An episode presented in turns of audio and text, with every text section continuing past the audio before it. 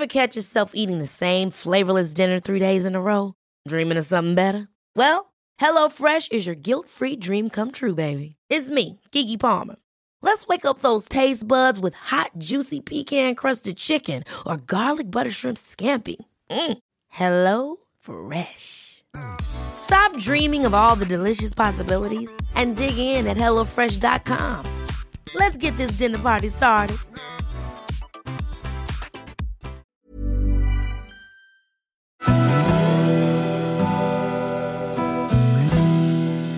Välkommen till Stora relationsguiden. Podden där parterapeuten Anneli Östling tillsammans med sin sidekick Bella guidar dig genom allt som har med kärlek och relationer att göra. Följt av väl beprövade tips och råd.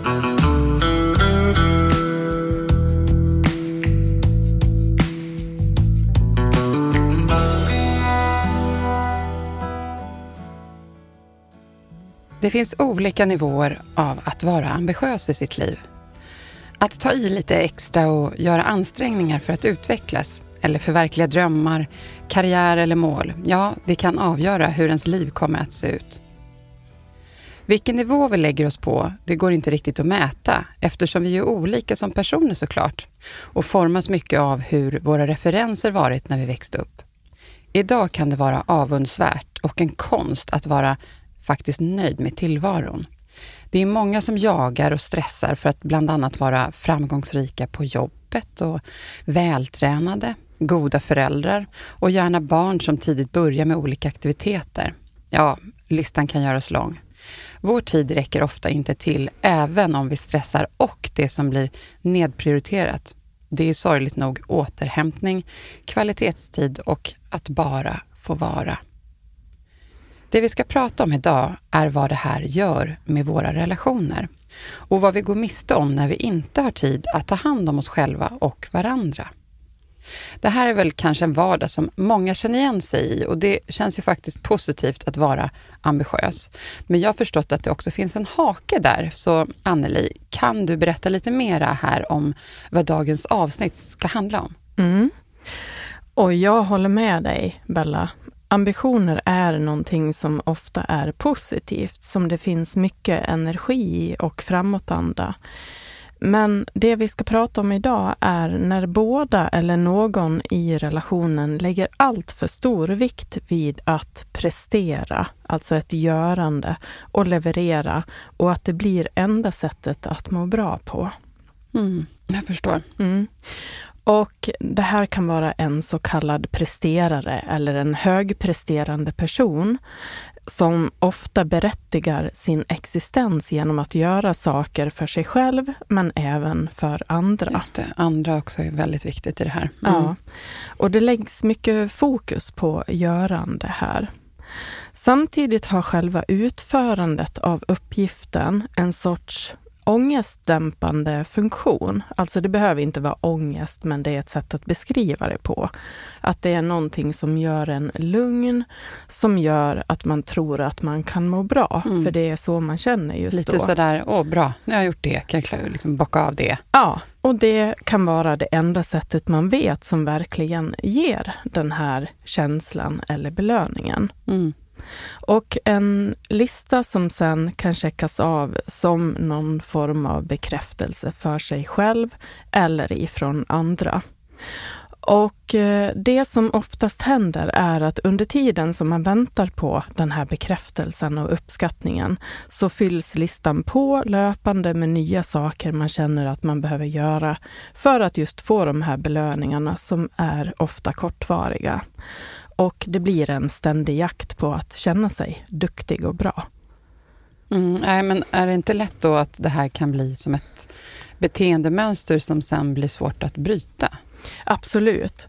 Och det är så det ofta blir. Och man blir liksom aldrig nöjd utan fortsätter att jaga nya kickar. Mm.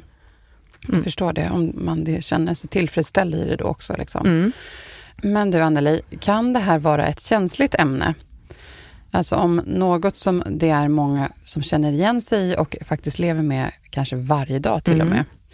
Men vad är det som är det svåraste här? Är det att bli medveten om att man lever med någon typ av prestationsångest, om man ska uttrycka det så starkt, eller att förstå hur man ska klara av att förändra sitt beteende om man skulle vilja det? Mm. Ja, det är bra frågor och det här är ett väldigt känsligt ämne för många som kan också kännas hotfullt för den som är mitt i det och prestation och leverans är liksom på liv och död. Det kan låta lite överdrivet, men visar också på hur svårt det kan vara att inte fortsätta att leverera på topp. Ja, när man säger liv och död, då känns det ju väldigt allvarligt. Ja, att man skulle må absolut. jättedåligt av det då, liksom, Ja. om man inte får göra det. Mm. Och man vill gärna leverera mer än vad som förväntas av en för att vara på den säkra sidan. Och det är svårt att svara på din fråga exakt om vad som är svårast. För att det är många som inte vill erkänna att de är högpresterande och då är de heller inte intresserade av att förändra sig. Det är den stora utmaningen i det här, för man vet inte annars hur man ska göra eller vem man ska vara. Nej men gud, det förstår jag verkligen. Ehm, det är mycket där problemet ligger, för då är man ju inte heller förändringsbenägen utan, och inte ser sin egen, hur man funkar i det här. Nej. Men det finns ju de som också blir medvetna och faktiskt vill förhålla sig på ett annat sätt. Eh, Och det har jag sett flera gånger i min omgivning. Jag kan tänka mig att du kanske också möter det här i ditt arbete med både individer och par eh, och så. Eller? Mm. Mm. Jag möter det här väldigt ofta. Mm, och det är det är väl, så. Ja, och det gör ju också att jag kan känna mig trygg i att prata om det här. Mm. Det är ett känsligt ämne. Mm. Och det här är någonting som ställer till det i mångas liv och relationer och det kan visa sig på olika sätt och med olika grad i form av att bli en slav under sin prestation till exempel. Okej, det låter ju ändå väldigt intressant att få höra lite mer. Har du exempel på det? Mm. Det vanligaste, tydligaste exemplet är just den som inte kan slappna av om man inte har gjort allt och till och med överlevererat på jobbet för att vara på den säkra sidan. De här personerna brukar ibland kallas arbetsnarkomaner. Alltså det kan vara lite hänsynslöst att, att prata på det sättet, men vi gör det för att vara tydliga här. Men det är ett uttryck som man ändå använder sig Ja. av ibland, så det Ja. känns inte konstigt. Och det är då arbetet ofta har högsta prioritet, vilket innebär att annat blir, blir nedprioriterat, så som partner och familj till exempel. Ett annat exempel kan vara en person som vill ha det perfekt hemma, som till och med kan ha behov av eh, kontroll. Alltså man kan inte eh, slappna av och må bra om inte allt är i ordning på det sätt man själv önskar. Och den här personen kan bli att, eh, ja, det är de vi brukar kalla perfektionister. Och det kan vara svårt för andra att kunna leva upp till den här personens krav. Mm.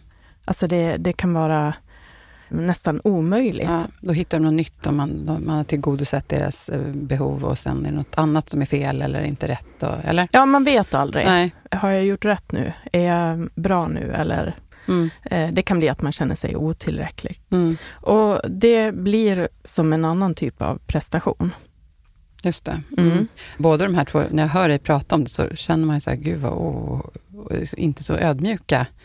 Men eh, det är verkligen nyanser i det här också som jag tror många inte ser sig själva ha. Mm. Sen kan man ju andra sidor också. Mm. Men det här känner man igen, det är ju väldigt vanligt. Mm. Mm. Och när jag möter den här typen av personer Mm. så finns det ju en stor del omedvetenhet i det. Eller så är man så medveten om det men man vet inte vad man ska göra åt det. Mm. Och jag tar ett annat exempel här. Man Mm. kan också bli att högprestera när det gäller träning till exempel och resultat som även kan inkludera andra personer. Man har kontinuerliga möten med en PT till exempel eller ingår i ett paddel eller golfgäng där alla förväntas ställa upp och få andra saker får möjlighet att komma i vägen här. Man kan vara en en vinnarskalle eller en tävlingsmänniska som gör allt för att bli bäst. Då i prestation med önskan om att bli bland annat beundrad och bekräftad av sig själv och andra. Mm, jag tänker här, att det kan lätt vara att luta sig tillbaka på att man, men det är ju viktigt att träna och röra på sig, då mår ju, man ju bra. Mm. Så att det måste jag ju kunna göra tre, fyra, fem dagar i veckan kanske. Någon Mm. tycker det är helt rimligt. Mm. För Så- alla de här exemplen så finns det ju väldigt tydliga ursäkter Mm. till varför man måste det. göra det här. Och det kan vara svårt Såklart. för en person vid sidan om att säga att nej men det där kan inte vara så viktigt. Det är det som blir svårigheten här Mm. med den som är vid sidan om. Det blir en riktig tankevurpa man får ta då. Mm. Mm. Men jag har faktiskt ett till exempel Ja, här. bra. Och eh, Vissa kan också vara drivande i att ordna till exempel middagar, AVs med kollegor eller vänner och resor med vänner. Man intar gärna rollen som den drivande och ser till att bli en mittpunkt bland vänner till exempel. Eller arbetskollegor. Mm. Man är den som fixar allting. liksom. Sådana Eh. finns det överallt känner man ju. Ja. Mm.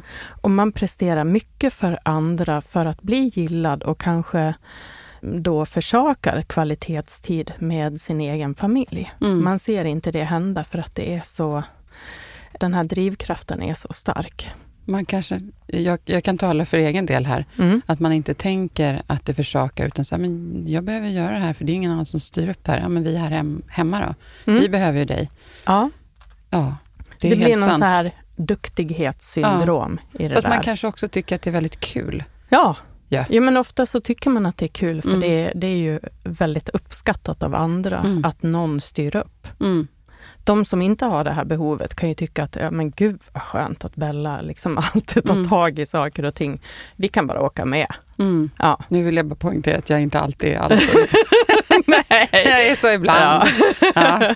Ja. Ja. Men, ja, ja, men jag precis. tog dig som ett Ja, det är exempel. bra. Gör Ja. det. Ja. Eh, Det finns delar av det jag faktiskt känner igen. Så att, eh, Jag kan det är nog också känna igen mig lite. ja, men att bli påmind, det är det här jag tänker. Viktigt Mm. att bli påmind om vad är det som är viktigt, eller allra viktigast, Mm. Ens familj där hemma. man- Prioriteringar. Prioriteringar. Ja. Mm.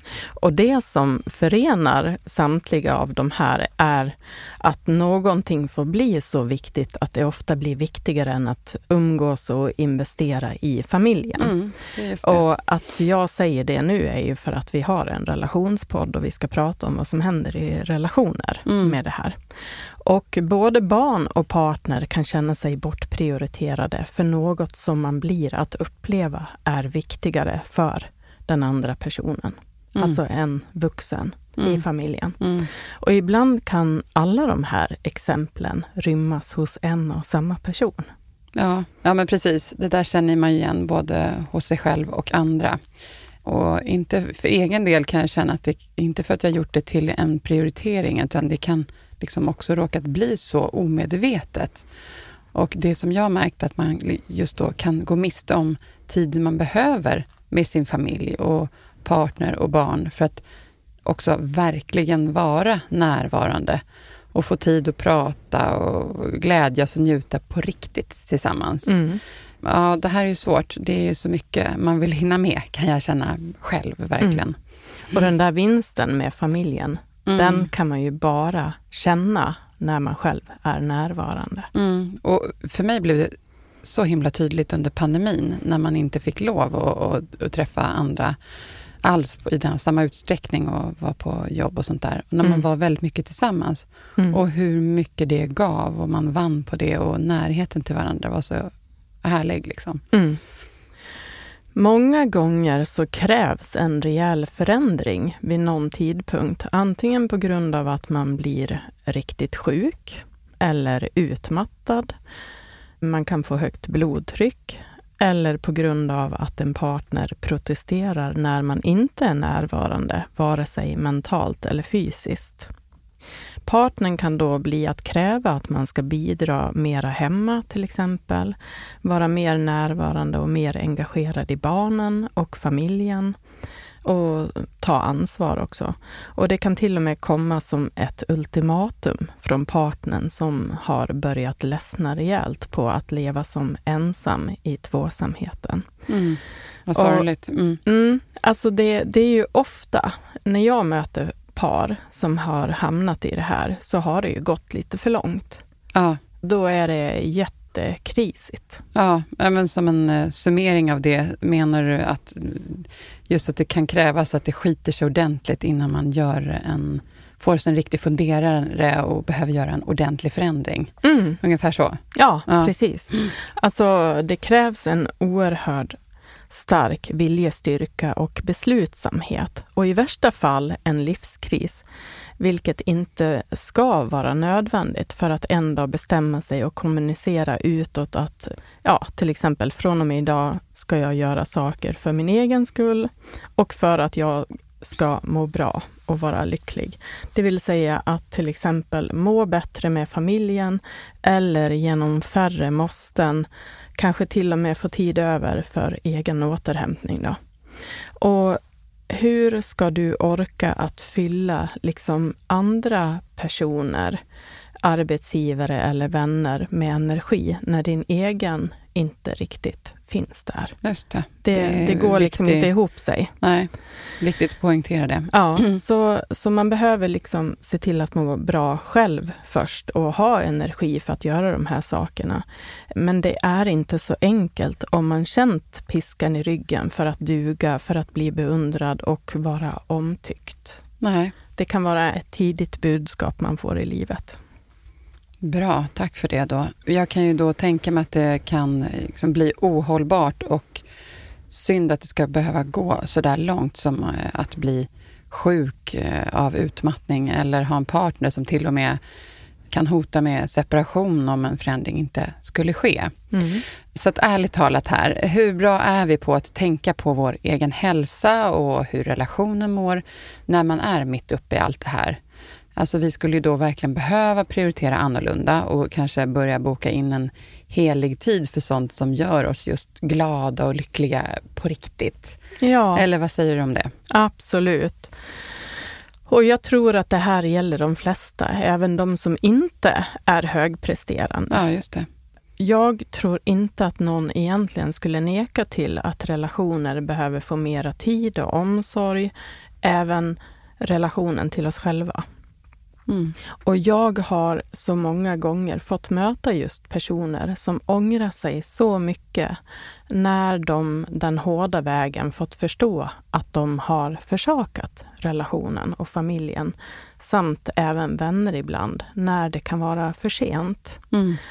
Men det är, ju, det är ju svårt när man inte riktigt är medveten om det här eller förstår hur man ska kunna göra annorlunda. Det är ju mm. det som blir det svåra och det är det som blir så smärtsamt för den som då hamnar i det här med en partner som hotar med separation till exempel. Mm. Att man liksom, Då blir liksom man trängd i allt också. Man vaknar upp ifrån någonting. Som, ja, var ska jag börja? Ja. Det är så här mot allt och alla. Mm. Då tänker jag just på det här hur det är att leva med en högpresterande person om man inte själv är det. Ja, och det kan se väldigt olika ut och det beror på vem man själv är och hur man förmår att stå upp för sina egna behov och sätta gränser. Mm. Alltså vissa hamnar aldrig i det här för att man är så noga redan från början att nej men det här, det här känns inte riktigt rättvist eller det här kommer jag inte att kunna må bra i. Mm. Ja, men det är verkligen ett, ett bra tips för att mm. sen om man om man hållit på och liksom lätta på det där väldigt länge, fast, eller tumma på det. Mm. Okej, okay, men hon eller han behöver ju det här. Mm. Ja, ja. Mm. Det blir nog bättre. Det blir nog bättre och så går veckorna, månaderna, åren. Mm. Ja.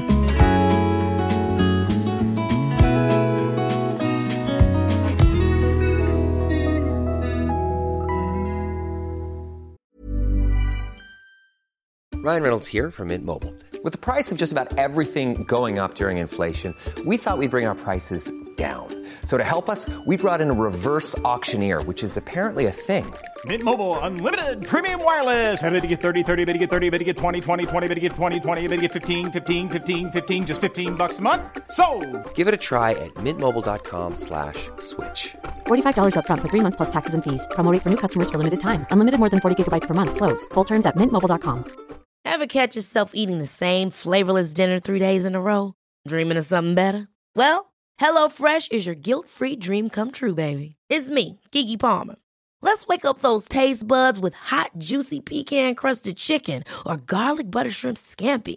Mm. Hello Fresh. Stop dreaming of all the delicious possibilities and dig in at hellofresh.com. Let's get this dinner party started.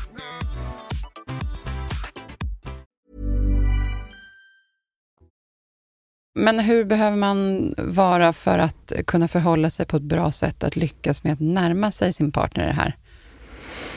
Mm. Och det här kan vara en riktig utmaning för någon som länge har känt sig bortprioriterad. Mm. Men det landar ändå i att någonting som är bra i den här relationen är om man lyckas att förmedla sitt budskap på ett icke-dömande sätt som partner. Mm. Att man ser till att inte anklaga och istället skapa en trygg miljö för den som föredrar att inte till exempel prata om känslor eller att prata om det här, sina prioriteringar. Och agerar på ett rationellt sätt. Alltså, mm. man kanske fortfarande är kvar i sitt försvar av sin situation. Att då som partner visa sårbarhet och signalera att man saknar personen som spenderar så mycket tid på jobbet eller egna intressen och aktiviteter, det brukar vara en dörröppnare. Okay. Det brukar vara effektivt. Mm. Hur kan det låta då? Ja, det skulle kunna låta så här. Att eh, jag förstår att du gör ett bra arbete och att du är viktig på din plats. Men jag undrar vad som kommer att hända med oss om det kommer att fortsätta att vara så här. Just jag, att inte vara dömande utan mer frågande och öppen för en dialog här. Ja, man kan ja. inte bestämma över en, en annan person. Nej, alltså, kan man, man, kan inte göra valen åt någon annan och då behöver man få den här personen att själv vilja göra ett annat val. Mm. Ja, men eh, då undrar jag hur det kan bli i vardagen. Jag kan tänka mig att personen då kanske har sin starka drivkraft och kan då redan befinna sig i stress och är uppe i sina tankar. Hur, hur kan det bli då? Mm. Ja, personen kan ha en tendens att sällan lyssna helhjärtat när man förstår att det är någon form av missnöje som kommer här. Och då har man ofta mera fokus på att tänka ut ett svar på det som partnern säger utan att ens lyssna färdigt. Mm. Man är alltså inte närvarande, utan mm. man, man tänker mera på vad man själv ska svara i någon form av försvar. Och eh, det finns ofta ursäkter för att inte delta i familjeangelägenheter då det krockar med någonting viktigt som behöver göras med jobbet till exempel. Eller i värsta fall egna intressen eller aktiviteter. Det låter som att man är väldigt ego då. Ja, det är så det kan uppfattas. Ja. Mm. Och en högpresterande person vill ofta ha saker gjorda på sitt sätt, annars blir olika projekt ointressanta och då kan du riskera att få göra det själv. Oj, nu låter den här personen verkligen som en sån här väldigt ocharmig typ. Ja, men man, man kan upplevas som en ocharmig typ, fast mm. egentligen bakom fasaden så finns det någon form av rädsla. Mm. Och den här personen vill sällan göra saker tillsammans, som att men vi kan väl laga mat tillsammans eller handla. Vi kan väl åka iväg och handla tillsammans. Mm. För att då är det bättre att vara effektiv och dela upp sig. Du åker och handlar, jag fixar tvätten, sen kan du laga maten, jag tar mm. en repa med dammsugaren. Och, det låter som också att ens familjerelation blir verkligen som ett jobb bara någonting att beta, eller ja, jobbet kan ju också själv, ja, vara något lustfyllt och härligt ska det vara. En effektiv men tillvaro. betar av bara. Nu ja. betar vi av det här bara. Ja. Vi stannar inte upp och njuter av livet med varandra. Nej. Nej. Och prestationen är ofta förknippad med framgång, belöning i form av pengar och bekräftelse från personer som är värda att imponera på. Och eh, just det här att vara med och göra saker hemma, det blir mera något effektivt som måste göras. Det är ingenting som man kan göra för att det är mysigt att göra det med mm. partnern. Och det som ofta hänger ihop med att vara prestationsfokuserad är att man sällan har uppmuntrats till att prata om och visa sina känslor. Man kanske bara har fått bekräftelse för sin prestation som barn. Och det gör också att man ofta har svårt för att förstå andras känslor. Till exempel en känslosam partner som vill dammsuga tillsammans. Mm. Det är svårt Ja. faktiskt. Men, ja. Och den här kombinationen kan göra att man upplever den här vuxna personen som något eh, kall, radiostyrd och rationell. ja, där sa du bra ord. Det var bättre än ocharmig, ja just i det här. Men man uppfattar ju, när vi pratar om det så tycker jag man känner det här är inte någon trevlig person. Och så tänker jag att jag känner nog flera stycken högpresterande som jag tycker alla är superhärliga ändå. Mm, mm. Men det kanske är just partnern där hemma som får se alla de här, eller får bli bortprioriterad och känna av det här mer ohärliga. Mm. Alltså i det här, när vi pratar om det här nu, så vill jag ju verkligen belysa så att man förstår syftet med att vi har det här Mm. avsnittet. Och eh, är man då en känslomässig partner som är beroende av känslomässig respons och önskar kontakt med sin partner, så kan relationen bitvis bli att kännas ansträngd och svår för Mm. den andra. Mm. Mm. Den här beskrivningen kan kännas som generaliserande också, men är för mig ett ofta förekommande problem när par kommer till mig, då de presenterar sina problem som till exempel kommunikationssvårigheter. Vi förstår inte varandra. Vi kan inte mötas i kommunikation. Och eh, när jag jobbar väljer jag att se båda och försöka förstå båda parter. Mm. Alltså jag tror inte att någon skulle välja att vara den här radiostyrda, rationella, kalla personen, utan det finns, det finns en förklaring bakom. Ja, och den som står bredvid eh, kanske också inte sätter upp gränser. Mm. Så det är en del av också att ha kommunikationssvårigheter. Mm. Men jag tänker då om man i en relation är den som är den högpresterande och den andra är det motsatta.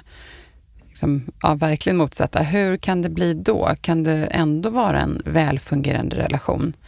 Är det inte så att liksom, den ena blir den duktiga och den andra blir den lata? Mm. Eller hur kan det bli i relationen med det här? Ja, det är olika och för det mesta om vi pratar om en som är högpresterande på jobbet så kan den andra tvingas att bli duktig på att sköta hemmet. Eller duktig, ja, det, det blir nödvändigt. Någon måste sköta hemmet. Och den här personen kanske också jobbar heltid samt tar största ansvaret för barnen. Om vi pratar om någon som jobbar heltid och även intar rollen att sköta hemmet, då finns stor risk att den andra kan bli lat, som du säger, då den inte riktigt hinner med. Och de gånger som den försökt att göra någonting liksom, Mm. själv, så kan det hända att man har fått höra att man inte gör det riktigt bra. Åh, Alltså, Ja, man, mm. man har redan hamnat i en negativ spiral här. Mm. ja, det är viktigt att vi pratar om det här, känner jag. Mm. Eh, och om man lever då i en parrelation med barn och en är högpresterande, åtminstone en, vad skapar det för dynamik i familjen? Om man ser då både på gott och ont faktiskt. Mm. Ja, det finns egentligen inga rätt eller fel här. Det som kan bli tokigt och svårt i den här typen av uppdelning är om man inte har kommit överens om en lösning som båda vuxna tycker är bra och accepterar. Och har man inte kommit överens och ansvarsfördelningen kan kännas för tung och trist för den som behöver täcka upp i hemmet, inklusive engagemang i barn och allt vad det kan innebära, så är risken stor att det kan bli att skava i den här relationen. Att kanske kännas att bli tagen för given. Ja, så kan det Så, bli att ja. kännas. Och märker man att partnern och barnen börjar uttrycka saknad och sorg över att man har lite tid för att vara med i vardagen eller på helgerna, så behöver man ta det på allvar för att vara ute i god tid innan det blir för sent. Men ofta så ser man kanske inte det här Mm. i god tid. Men är man överens och alla mår bra och är glada så kan man ju känna sig stolt över det också. Och det finns så många normer och föreställningar om hur saker ska vara och levas. Och det kanske är det första man behöver frigöra sig ifrån om man ska känna sig nöjd och trygg med den uppdelningen som vi har valt. Mm. Alltså det finns många som Det kan må bra i det Mm. här också, bara man är respektfulla gentemot varandra och inte tar varandra för givet. Mm. Så att det här är liksom inte ett utmålande av en ambitiös person, utan det handlar om vad har vi kommit överens om och hur tydliga har vi varit med våra egna gränser Mm. och våra egna behov. Man kanske till och med tycker att det är så skönt att man har en partner som är högpresterande, för man själv inte alls har de energierna. Och, Eh, ja, Ja. ja. Ja, men, eh, jag tänker också om barn som lever med föräldrar som lever tillsammans och båda föräldrarna är högpresterande. Hur blir det för barnen då i nuet och även på lång sikt? Ja, det här är nästan eh, det som är allvarligare än för en partner. Aha. Alltså barn Mm. anpassar sig och hittar överlevnadsstrategier. De är väldigt kreativa att hitta nya sätt att få bekräftelse på. Och det bästa sättet att bygga barns självkänsla är genom att finnas närvarande för att kunna plocka upp och spegla dem i sina känslor och behov. Oavsett om man är glad, arg, eh, låg eller sprallig. Och är vi föräldrar frånvarande så kan barn få det här genom en mormor eller farfar eller en annan vuxen person.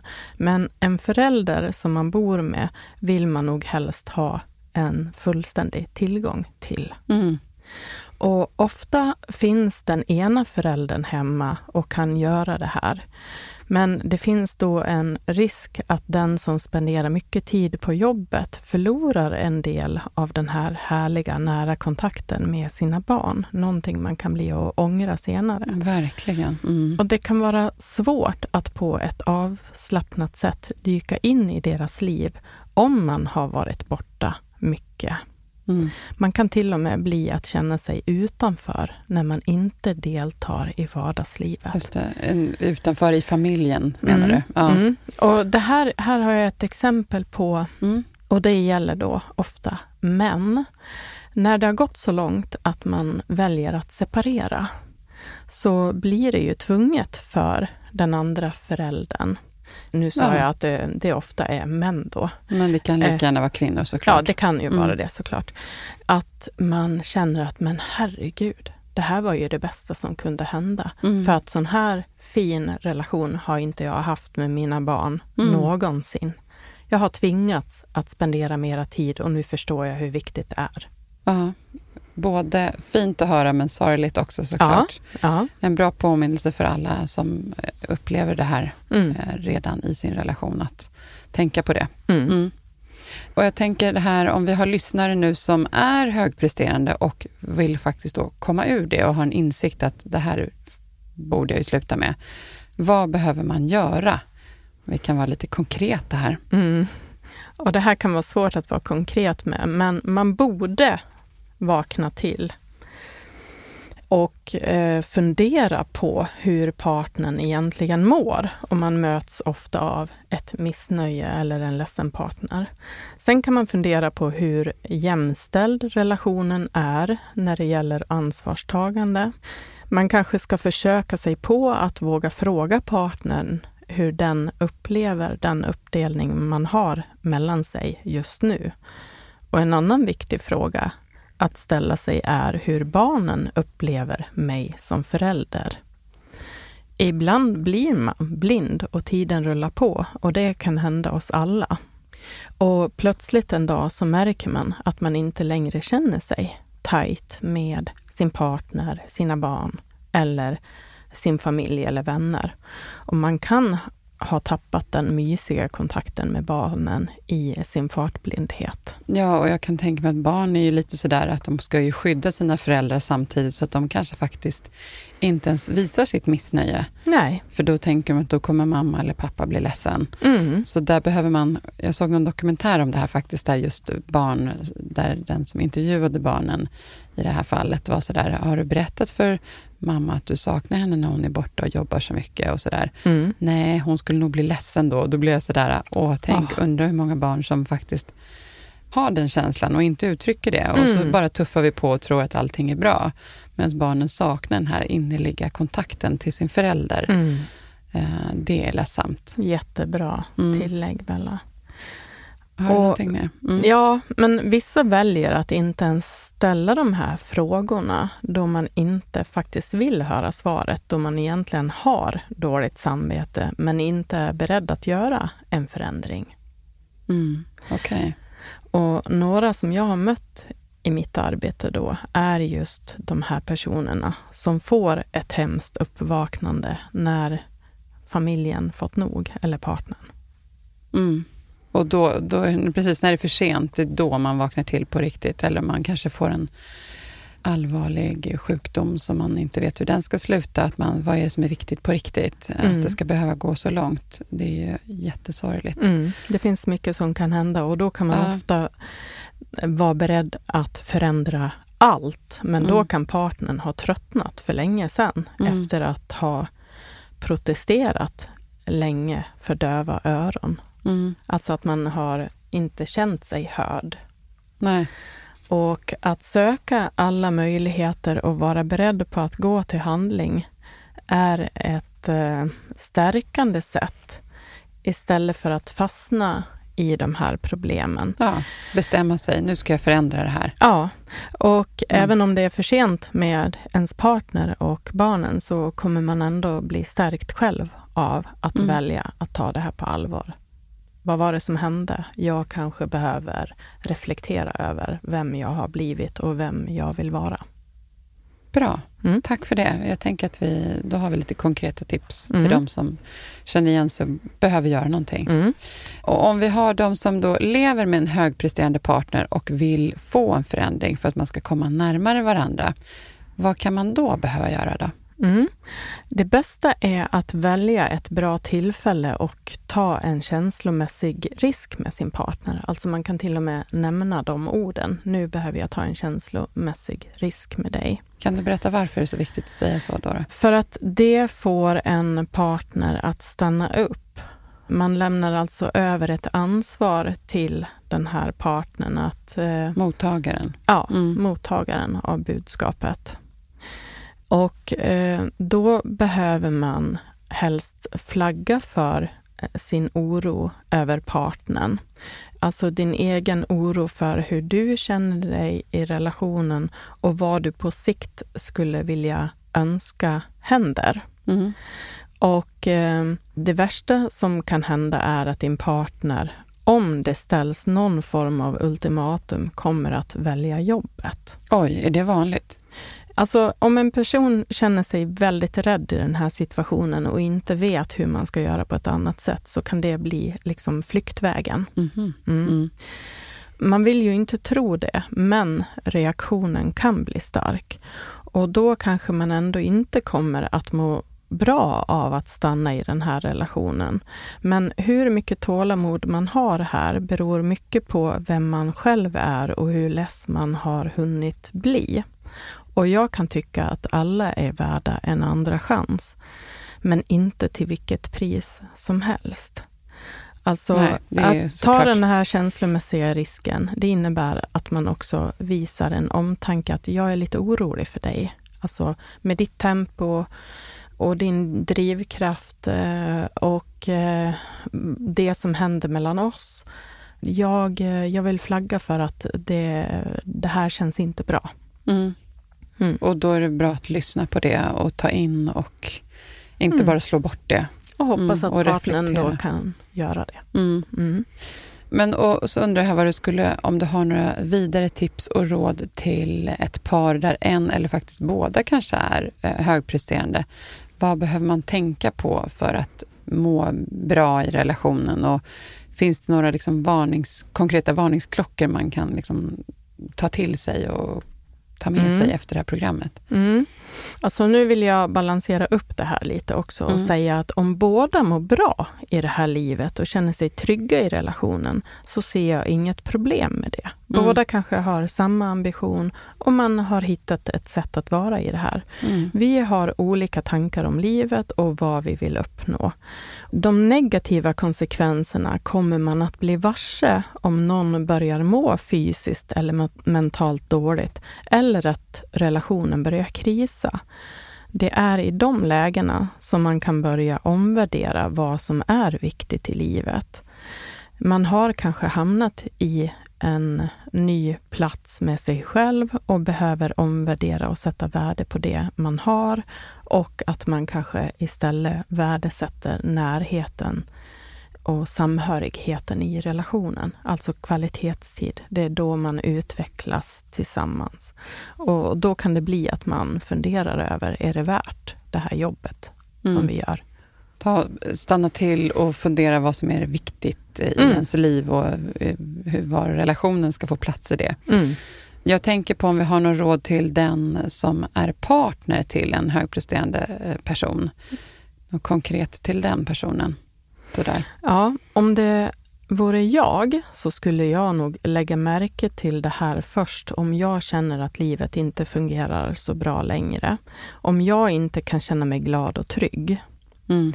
Man kan också bli orolig för en partner som stressar och jobbar för mycket. Man kanske tycker att partnern borde ta hand om sin hälsa bättre för att man själv inte ska behöva bli drabbad av att partnern blir utmattad eller av den stress som man möter.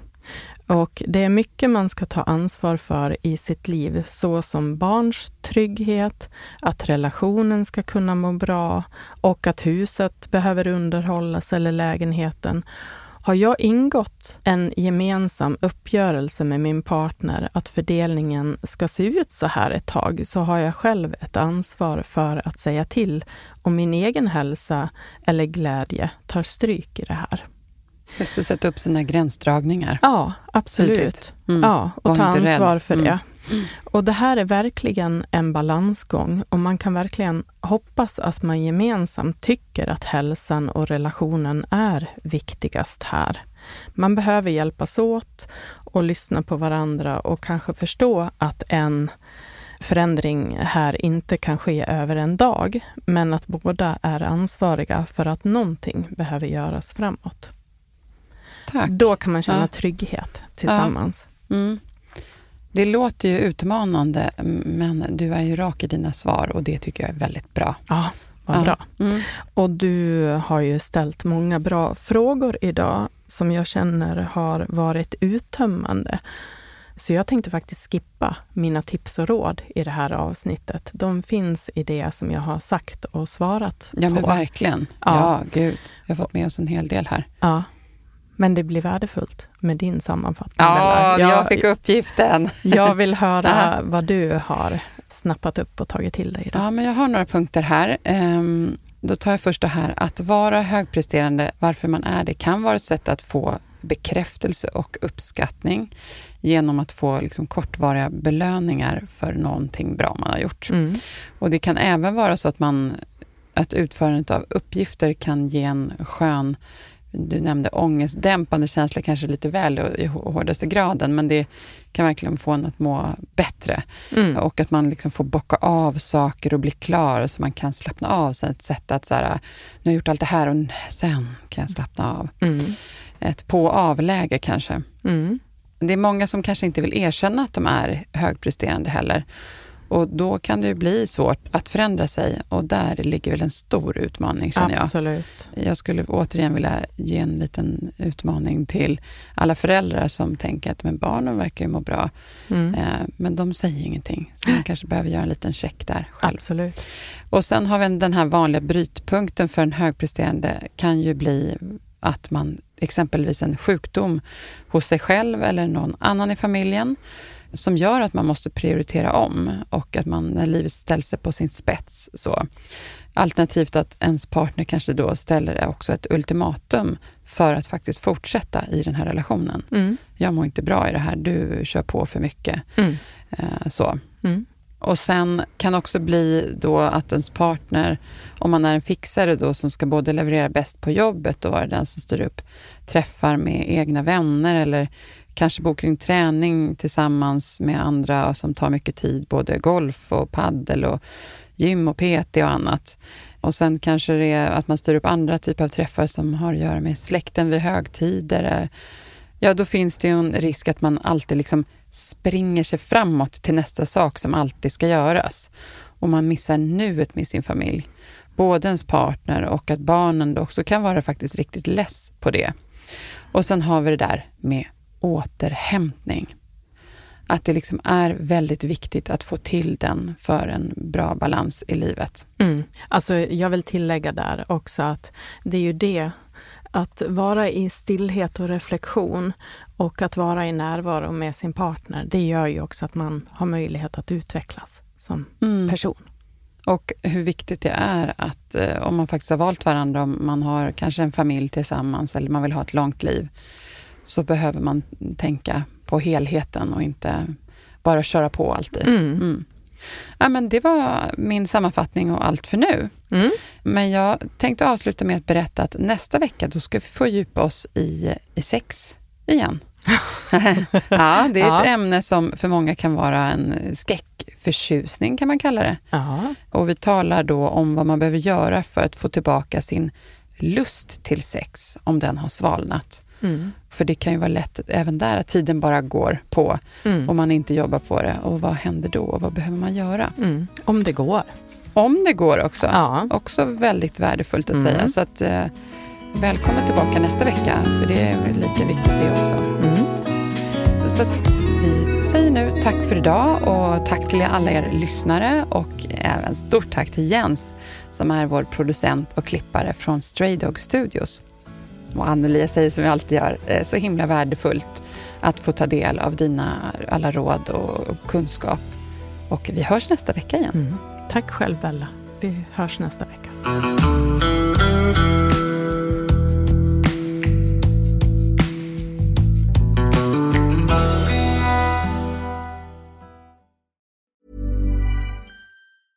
Hey, it's Danny Pellegrino from Everything Iconic. Ready to upgrade your style game without blowing your budget? Check out Quince. They've got all the good stuff, shirts and polos, activewear and fine leather goods, all at 50 to 80% less than other high-end brands. And the best part? They're all about safe, ethical and responsible manufacturing. Get that luxury vibe without the luxury price tag. Hit up quince.com slash upgrade for free shipping and 365 day returns on your next order. That's quince.com slash upgrade. Hold up. What was that? Boring. No flavor. That was as bad as those leftovers you ate all week. Kiki Palmer here, and it's time to say hello to something fresh and guilt-free. Hello Fresh. Jazz up dinner with pecan-crusted chicken or garlic butter shrimp scampi. Now that's music to my mouth. Hello Fresh. Let's get this dinner party started. Discover all the delicious possibilities at hellofresh.com.